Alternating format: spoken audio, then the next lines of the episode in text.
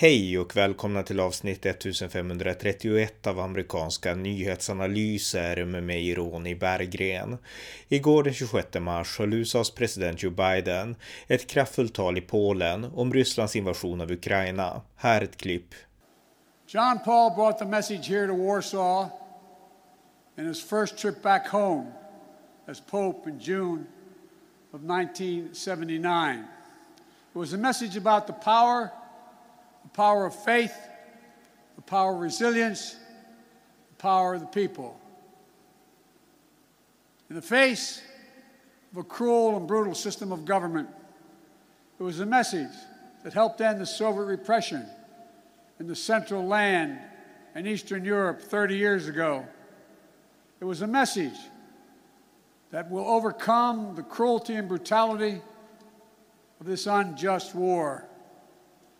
When Pope John Paul brought that message in 1979, the Soviet Union ruled with an iron fist behind an iron curtain.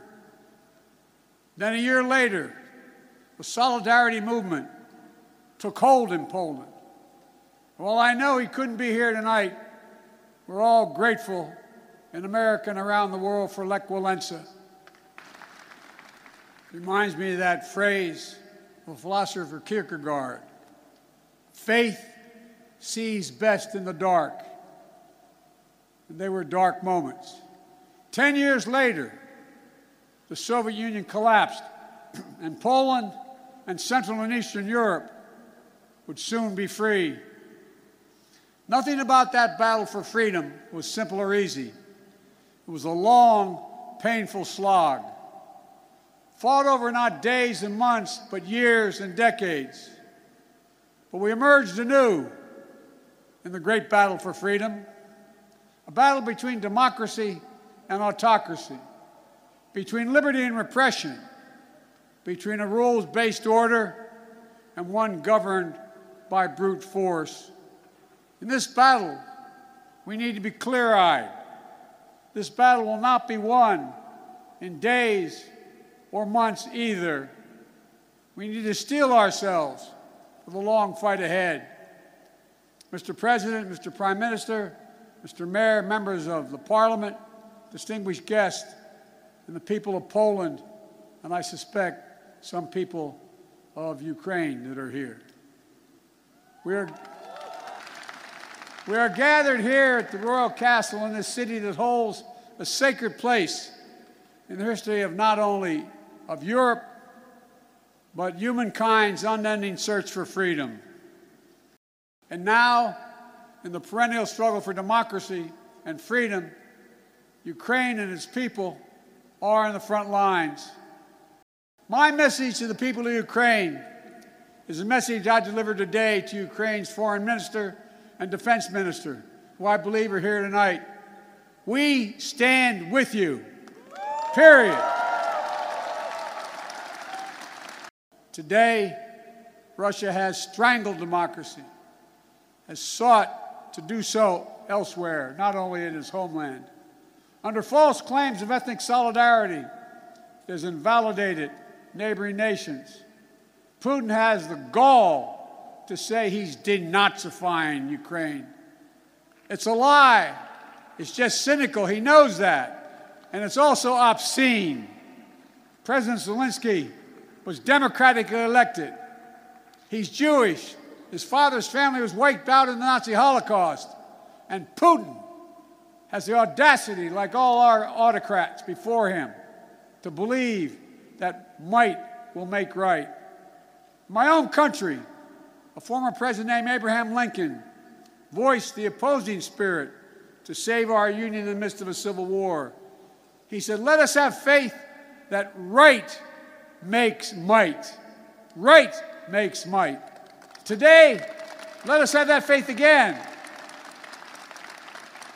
Let us resolve to put the strength of democracies into action to thwart the, designs of, the designs of autocracy. Let us remember that the test of this moment is the test of all time. The Kremlin wants to portray NATO enlargement as an imperial project aimed at destabilizing Russia. Nothing is further from the truth. NATO is a defensive alliance. It has never sought the demise of Russia. In the lead up to the current crisis, the United States and NATO worked for months to engage Russia to avert war. I met with them in person, talked to them many times on the phone. Time and again, we offered real diplomacy and concrete proposals to strengthen European security, enhance transparency, build confidence on all sides. But Putin and Russia met each of the proposals with disinterest in any negotiation, with lies and ultimatums. Russia was bent on violence from the start. There is simply no justification or provocation for Russia's choice of war. It's an example one of the oldest human impulses, using brute force and disinformation to satisfy a craving for absolute power and control. It's nothing less than a direct challenge to the rule based international order established since the end of World War II. And it threatens to return to decades of war that ravaged Europe before the international rule based order was put in place. We cannot go back to that. We cannot. The gravity of the threat is why the response of the West has been so swift and so powerful and so unified, unprecedented, and overwhelming. Swift and punishing cost are the only things that are going to get Russia to change its course. The ruble almost is immediately reduced to rubble. The Russian economy, that's true, by the way, takes about 200 rubles equal one dollar. The economy is on track to be cut in half in the coming years. It was ranked, Russia's economy was ranked the 11th biggest economy in the world before this invasion. invasion. It will soon not even rank among the top 20 in the world. Taken together, these economic sanctions are a new kind of economic statecraft with the power to inflict damage that rivals military might. These international sanctions are sapping Russian strength, its ability to replenish its military, and its ability, its ability to project power. And it is Putin, it is Vladimir Putin who is to blame, period. Our allies and partners have stepped up as well. But as I've made clear, America forces are in Europe, not in Europe to engage in conflict with Russian forces. American forces are here to defend NATO allies. Yesterday, I met with the troops that are serving alongside our Polish allies to bolster NATO's frontline defenses. The reason we want to make clear is their movement on Ukraine. Don't even think about moving on one single inch of NATO territory. We have sacred obligation we have a sacred obligation under Article 5 to defend each and every inch of NATO territory with the full force of our collective power. The Kremlin is jailing protesters.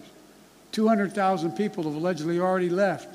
There's a brain drain leaving Russia, which brings me to my message to the Russian people.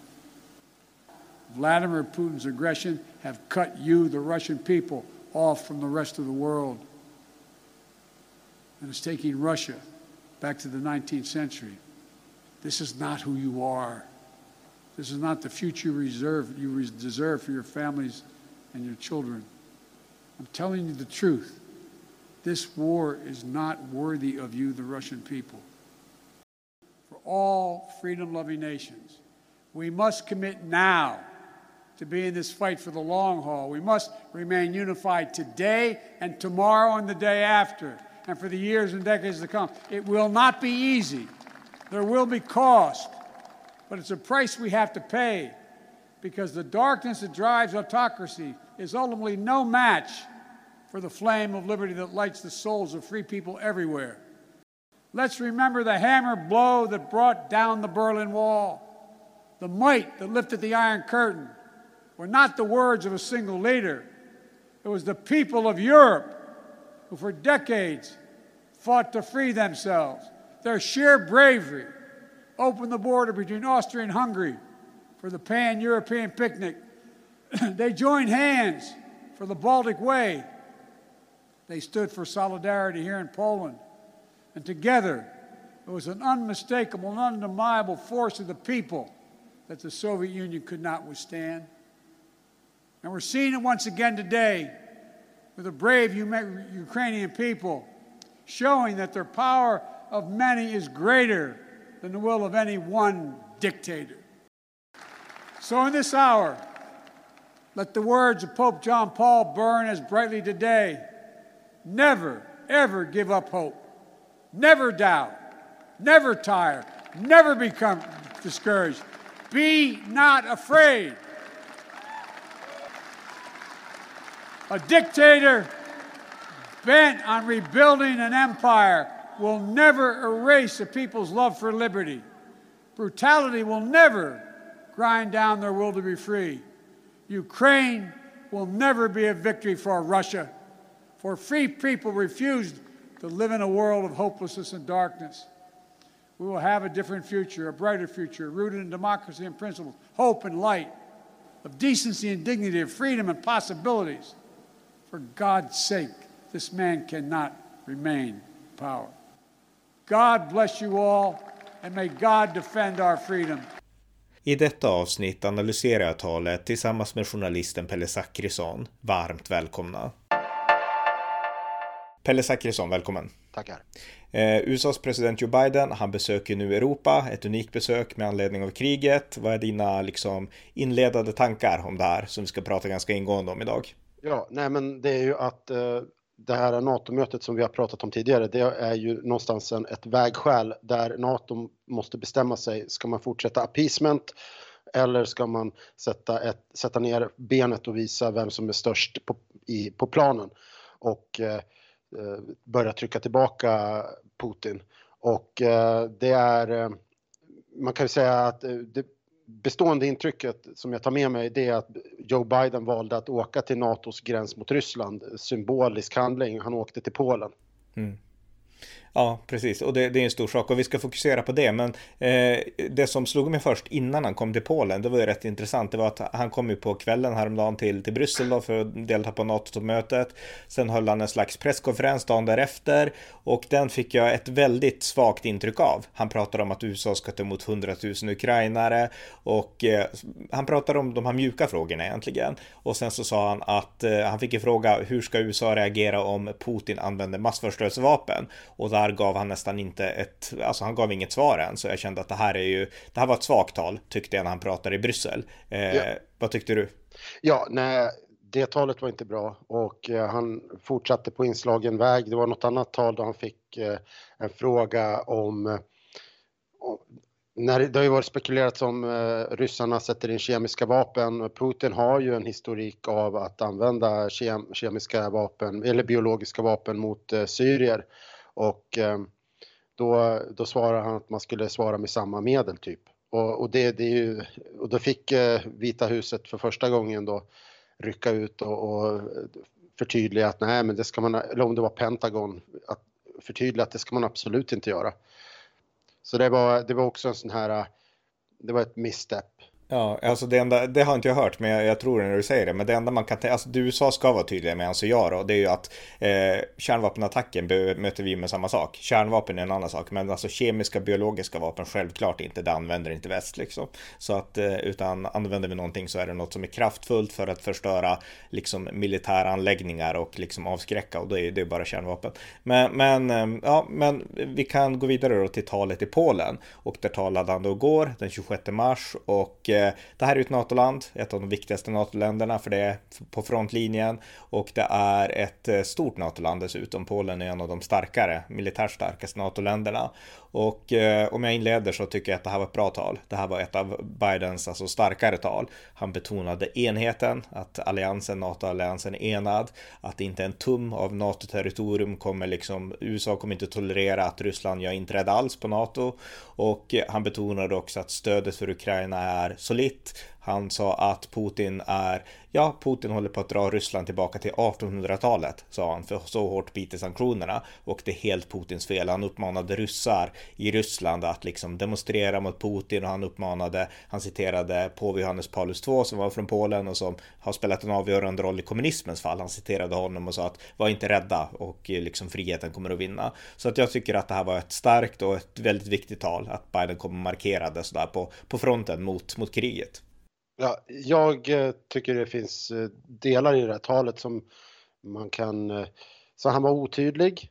Han pratade om sanktionerna, men han förklarade inte varför sanktionerna var viktiga. Han pratade om att man hade, man hade sanktioner mot över 400 personer i, i den ryska ehm, eh, vad heter det, nomenklaturan. Men han, han förklarade inte vad det skulle leda till. Och eh, han sa att de här är sådana som tjänar väldigt mycket på det här, men, ja, men vad ska det leda till då? Hur stoppar det här eh, kriget? Ska det stoppa kriget? Ska, vad, ska det få, vad ska det få för konsekvenser? Och han sa att eh, det här förstör den ryska ekonomin. Ja, jo, han sa någonting lite fyndigt om att the ruble is going to rubble, alltså att mm. rubeln hamnar i, liksom, blir förstörd. Och, eller i, i eh, spillror. Och, och, det var ju väldigt fyndigt formulerat.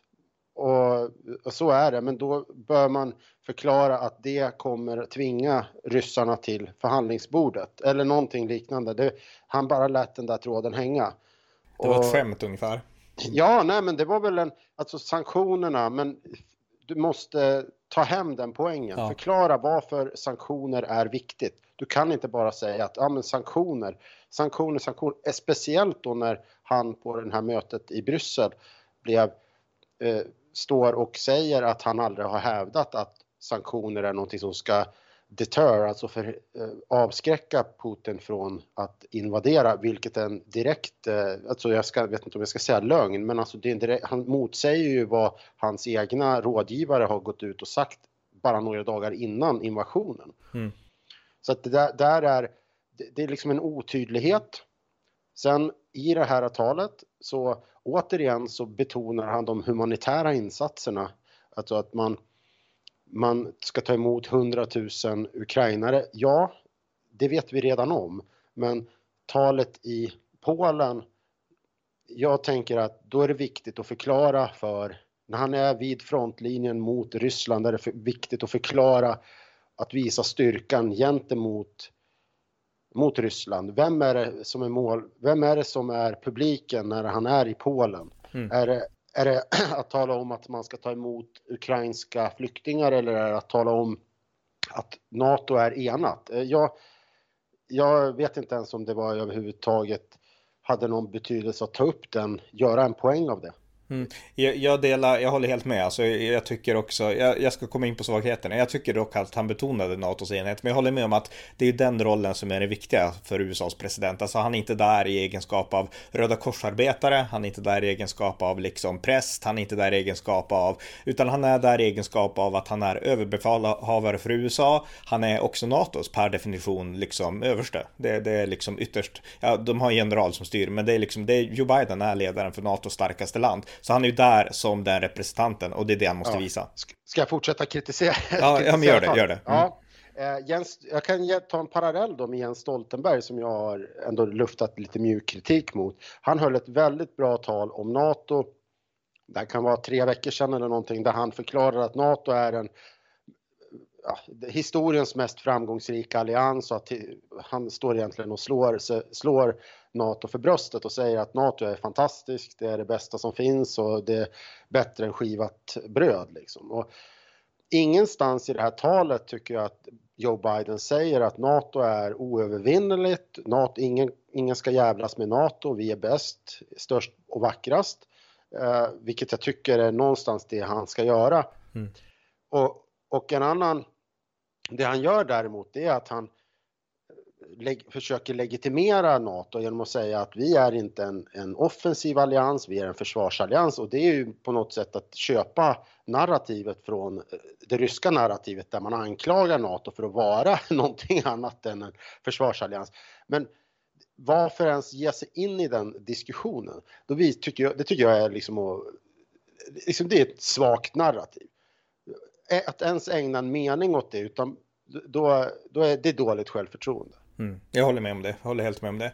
Och eh, jag delar, ja, all din kritik delar jag. Du har helt rätt i det. Det jag tycker, bara för att pusha det positiva, det var ändå att det var bra att han var där, han visade enighet, ja. han sa många poänger. Men den här kritiken måste också framkomma och faktum är att jag tror ja. inte att en republikansk president hade tryck på samma knappar. Därför att jag menar Biden, Obama, de utgår ändå från det här att på något sätt så kan vi genom att vara mjuka förhindra det som sker. Det är det som är liksom grunden i, även i Bidens inställning. Och då blir det att man vill pusha det mjuka, vi tar emot hundratusen ukrainare, vi är inte en offensiv allians utan vi är passiva och liksom så. Och eh, man stoppar inte Putin genom att göra så, det gör man inte. Jag, jag, ska, jag ska nog säga att jag, jag är inte alls säker på att eh, Obama hade fallit i den här fällan som Joe Biden gjorde att, att hamna på, vad ska jag säga, liksom defensiven i det här talet.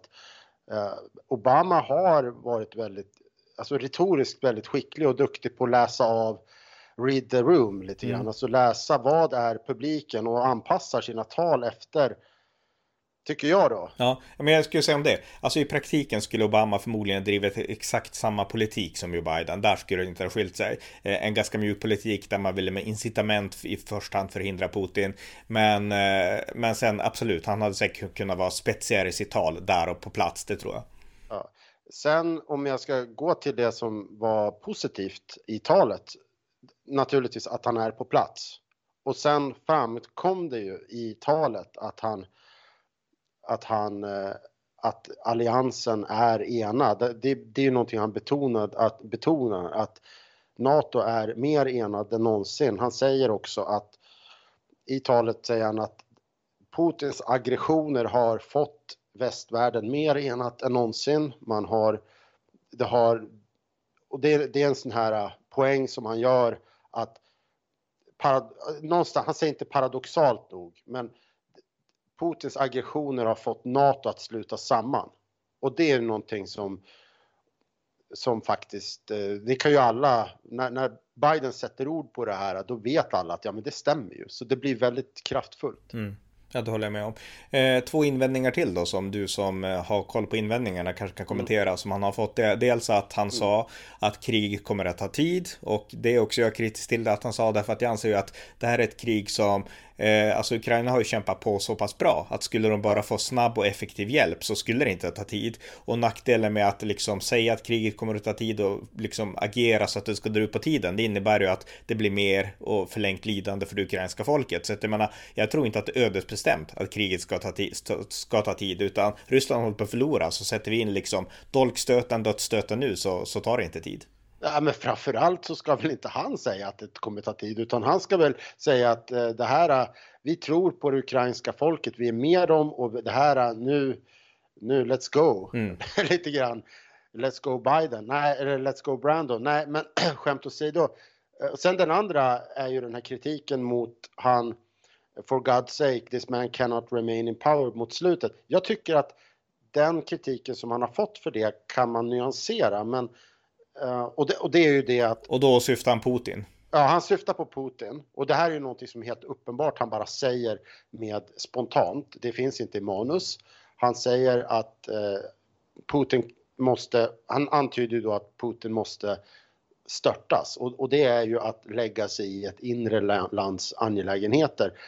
Det, det, det går ju utanför den liksom, policy och, och försiktighetspolicy som Biden-administrationen har använt sig av hittills. Och eh, då, är ju, då finns det ju de som säger att ja, det här kommer ju trigg, det finns en risk att det här triggar en, en para, uppenbart paranoid Putin att, att, eh, att eskalera. Jag, jag, jag, delar delvis den kritiken. Jag tror att hade, hade Biden haft en mer vad ska vi säga, en stöddig approach och varit mer eh, mobbaren och liksom varit den här, hade han varit Trump då hade det här inte varit ett problem för då hade det varit en retorik som Putin hade varit van att få höra. Då hade, eller om det hade varit George W Bush. Då hade Putin varit van att få, vara, ska vi säga, tuktad. Att bli, att bli eh, skälld på, att få höra att du ska veta din plats ungefär. Mm. Men nu kommer det här som en, en nu kanske det, alla larmklockorna går i Kreml. Det är det som är, jag tycker att det är kontexten som gör att det blir lite... Och i synnerhet när Biden nyss har sagt då att eh, NATO är en försvarsallians. Ja, men, men ja, vad tänker du kring uttalandet? Eh, alltså jag har inget emot det, utan eh, alltså det där kom ju, kontexten var att han beskrev det hemska som pågick då, att den här mannen måste bort. Han sa ju inte att NATO ska invadera Ryssland och störta liksom Putin från makten, nej. för det kommer inte att ske och det är liksom, det vet alla också. Så att nej, jag skulle inte göra någon större sak av det faktiskt, utan jag tycker att han visade sin känsla där han uttryckte liksom det vi alla känner och det vi alla tycker. Men eh, jag håller med om att det kanske går på tvärs mer, inte med mig kanske, men mer med, med en linje som Biden själv egentligen brukar vilja driva, försiktighetslinjen. Skulle det kunna vara så att, att eh, det kan göra, uppnå just det här, eh, vad ska vi säga, det här Trumpska narrativet eller den Trumpska policyn att skapa osäkerhet hos uh, Putin lite lagom? Att nej, göra honom nej. lite nervös? Nej. nej. för jag tror att Biden är för svag. Alltså han, Biden har aldrig utgett det här att om ni gör så så ger vi igen. Det, det är liksom det, det, det, det du har sagt här också, att Biden mm. borde ha gett mer stöd till Ukraina, varit tydligare. Och det är han ju inte. Demokraterna är inte det. Så att jag menar, det där kommit från republikan. Donald Trump eller George W. Bush spelar ingen roll för de hade samma policy, fred genom styrka. Då skulle det ha varit liksom att eh, hit men inte längre. Här drar vi en röd linje och vi kommer att applicera den. Och så är ju inte Biden, utan han slänger ut sig något och det går inte att tolka. Det går inte att tolka som ett... Alltså, det bästa sättet att tolka det här, det är liksom det sanningsenliga tolkandet och det var liksom, det var lite dumhet, spontan dumhet bara. Det var inte ett hot och det var liksom inget, det var bara liksom en spontan dumhet, inte, inte mer än så. Och jag tror att så ser man det i Ryssland också. Och det kom ju ett svar från Ryssland där de sa att det är vi, vi bestämmer själva vilka liksom vi vill ha som presidenter. Mm. En, en eh, intressant, eller en, ja men en intressant eh en intressant eh, attack då som, eh, som hände samtidigt, det var ju att ryssarna, samtidigt som Biden var i Polen så attackerar de Lviv som mm. ligger nära, sköt raketer mot Lviv som ligger, vad är det, sju mil från den polska gränsen. En, alltså en uppenbar markering att, eh, att man ja, men markerar mot Bidens besök i, i Polen genom att skjuta raketer nära gränsen. Ja, och, och, det var ju provocerande. Där kan man tycka att USA borde liksom ta mod till sig och våga liksom, äh, alltså bara vara tydlig med att fortsätter den så här då kommer vi att liksom pusha hårdare i Ukraina. Alltså göra ja. någon sån markering. Men det är det Biden-teamet är rädda för och det är det som är min kritik. Alltså det här talet tyckte jag var bra och, och när jag säger det så liksom får man alltid i åtanke vem vi pratar om. Vi pratar om Joe Biden. Mina förväntningar på honom är inte så höga och vi vet hans kontext. Han är demokrat, han har sin syn på krig och fred och så vidare. Så att utifrån det tycker jag att det var ett bra tal. Men liksom, han är inte tillräckligt tuff, det görs inte tillräckligt mycket och nu är tiden verkligen inne att trappa upp stödet till Ukraina och liksom Biden-administrationen är liksom veliga där. Så att, eh, ja, eh, så att i, i, en bättre kontext då hade USA, USA svarat mycket skarpare på en sån beskjutning som skedde mot Lviv. Ja, ska vi gå vidare lite grann och prata om en annan, ett, annat ett annat uttalande som han, han gjorde. Han pratade om, eh, jämförde amerikans, eller migranter från Sydamerika som kom upp eh, till den till eh, mexikanska gränsen och eh, gjorde liksom ett uttalande där och jämförde det med de ukrainska flyktingarna som, alltså illegala, i samband med att han träffade den polske presidenten Duda så, så gjorde han en jämförelse mellan migranter då som kommer uppifrån Sydamerika. Och där är ju, det finns ingen, det finns ju ingen som påstår att de flyr från krig utan alla är medvetna om att de, de, de försöker ta sig in i USA, de flesta illegalt för att få ett ekonomiskt bättre liv. Mm. Och då, då, gör han en jämförelse med, med en halsbrytande jämförelse med Polen då som tar emot uh, flyktingar från krig. Mm. Vad säger han då? Ja, men det han säger, jag har citatet här, det är att, uh, ska vi se, jag tar upp det. Han säger att uh, the fact that you have so many Ukrainians seeking refugee in the, this country of Poland, we understand that because we have at our southern border thousands of people per day, literally, not figuratively, trying to get into the United States. Alltså, vi förstår det eftersom att vi har tusen, eh, tusentals människor som varje dag försöker ta, ta sig in i USA. Mm. Och, och det ja, alltså jämför... Ja, det, det, är en absurd, det är en absurd ja. parallell, det är helt absurt, ja. verkligen. Och, och, då tror jag att ja, jag vet inte vad man ska, vart det här kommer ifrån, men om det, om det har att göra med att han är omgiven av människor i, i som har en, en knäppsyn på, på Mexiko-gränsen-frågan eller vart mm. det kommer ifrån. Det, men, men det här gör ju att han hamnar i, han får ytterligare liksom en, en eh, liksom, han får ytterligare sånt här uttalande att hans pressavdelning ska hantera och det är ju jätte, fullständigt onödigt. Ja, och det, hanteringen av det, det blir mot den inhemska liksom, publiken då, därför att det inte, då, i Polen tror jag att man inte bryr sig om det, men liksom på Fox News då kommer man ju spela det här på repeat. ja, ja. Mm. Så det, men det var ett par sådana här uttalanden och då har vi inte pratat om alla och det är väl liksom ingen mening att göra, kanske ta upp allt som han har fått kritik för. Eh, men jag tänker, i USA så verkar det ändå som att det finns tecken på att att eh, ja, framförallt Republikanerna kanske börjar konsolidera sig om, om en, en gammaldags eh, republikansk hökaktig linje där NATO är styrka. Under Trump-tiden så fanns det ju bit, bitvis liksom en isolationistisk linje där. Vad, vad skulle du säga om det? Eh, alltså, det, jag skulle säga att den inte var så isolationistisk som kritikerna menar. Men att Trump hade hökarna i sitt team, i sitt utrikesteam och de var ju mycket mer aktiva än vad Blinken och de hade varit. Det är inget snack om det. Sen så hade Blinken en fördel och eh, Biden och det var att de hade goda kontakter i Europa så att de kunde sy ihop det här liksom sanktionspaketet mm. mot Ryssland. Men, men Trump var inte mjuk mot Ryssland. Det var Trump som Nej. införde Javelin missiles och det var liksom offensiva vapen till Ukraina. Trump införde, hade en väldigt hård ton mot Ryssland i många många avseenden. Sen gjorde han personliga uttalanden om Putin och det ena och det andra. Men kolla på politiken, där var Trump hård. Trump hade en republikansk politik mot Ryssland och republikanerna är alltid hårdare än demokraterna. Så mm. det är väl det jag skulle säga. Sen en sak till också med, med Bidens tal. Han betonade en annan sak också som jag tyckte var bra. Det var att Europa måste avsluta sitt energiberoende från Ryssland. Och så ville han då att USA skulle hjälpa till med det. Men det var också ett viktigt budskap. Ja, ja, jo.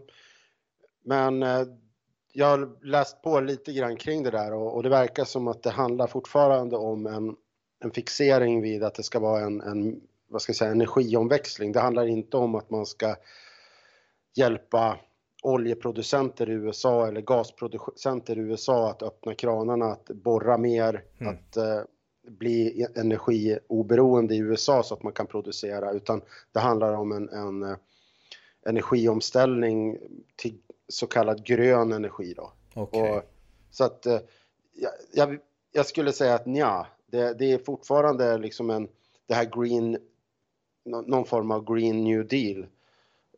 Då har inte jag detaljstuderat det, men det är inte, alltså under Trumps uh, period som president så blev USA energioberoende så att det borde relativt snabbt kunna gå och vara det igen. Men men eh, Biden, av olika anledningar så verkar han inte intresserad av att, att eh, ska vi säga, ge eh, avreglera för att skapa ett snabbt energioberoende. Nej, nej, han har gjort Det är han som har infört regleringarna på energin så att det är förståeligt. Men det innebär alltså att det han sa i, där i Polen, det var mer alltså det var mer på ytan. Det finns inget djup bakom det riktigt på det sätt som kanske skulle behövas. Ja, men om man säger det, det finns inte den här. Om jag fattar det rätt så är det inte ett, eh, en, alltså man går inte all in på att uh, göra det här. Alltså som kanske Trump skulle ha gjort att, uh, att man gör en operation motsvarande en operation warp speed som när Trump sa liksom gav fria tyglar till för att utveckla ett, ett, vi, vax, mm. förlåt, ett vaccin mot uh, covid-19. Utan det är liksom en det är fortfarande med vissa förbehåll för att skapa ett, ett eh, energioberoende. Då. Men själva intentionen är ju jättebra. Mm. Precis. Ja. ja eh, men då kan man väl säga så här då att eh, jag tycker att talet var bra, övergripande, men det finns många svagheter i Bidens politik och de liksom granskar man talet och sken de svagheterna igenom också. Ja. ja. Okej, okay, tack Pelle. Tack. Det var avsnitt 1531 av amerikanska nyhetsanalyser. Ni kan visa er uppskattning för den här podden genom att skänka en slant till valfri organisation som ni har förtroende för, som stöder det krigsdrabbade Ukraina. Genom att göra det deltar ni i att rädda Europa från den största krisen sedan andra världskriget. Det var allt för den här gången. Tack för att ni har lyssnat.